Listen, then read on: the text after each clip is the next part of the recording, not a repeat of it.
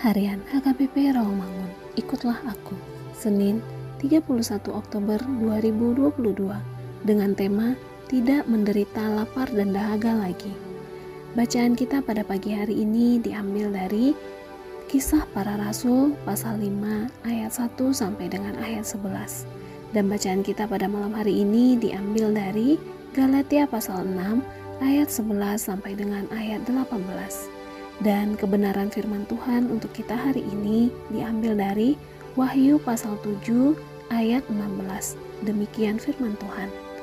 Mereka tidak akan menderita lapar dan dahaga lagi, dan matahari atau panas terik tidak akan menimpa mereka lagi. Demikian firman Tuhan.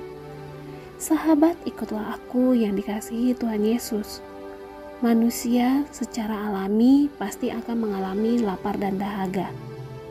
Rasa ini akan hilang jika sudah mendapatkan makanan dan minuman. Mari kita lihat beberapa pengertian yang terdapat dalam kata-kata ini. Tuhan Yesus membandingkan kebenaran dengan makanan. Rasa lapar dan rasa haus akan sesuatu yang kita rasakan yang penting dalam bagi hidup kita. Salah satu hal yang sangat kita inginkan adalah hidup. Bagaimanapun, tanpa kehidupan, kita tidak mungkin menginginkan hal-hal lain. Jika kita mati, maka semuanya akan lenyap, tidak ada lagi yang kita inginkan.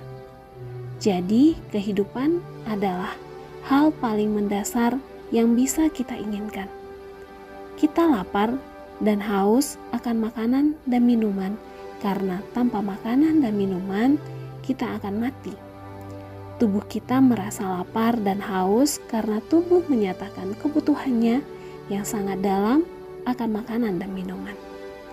Semakin lama kita tidak makan sesuatu, perut kita terasa semakin lapar.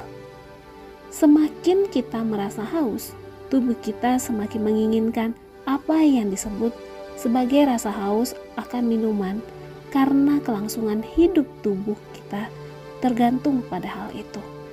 Namun, jika kita mau memakan kebenaran Kristus dan melakukan dalam kehidupan kita sehari-hari, maka Tuhan akan memenuhi lambung-lambung persediaan makanan dan minuman kita sehingga kita akan terhindar dari penderitaan kelaparan dan kehausan. Karena itu, lakukanlah kebenaran Kristus, maka kita tidak akan lapar dan dahaga lagi, dan selamat Hari Reformasi. Amin. Mari kita berdoa.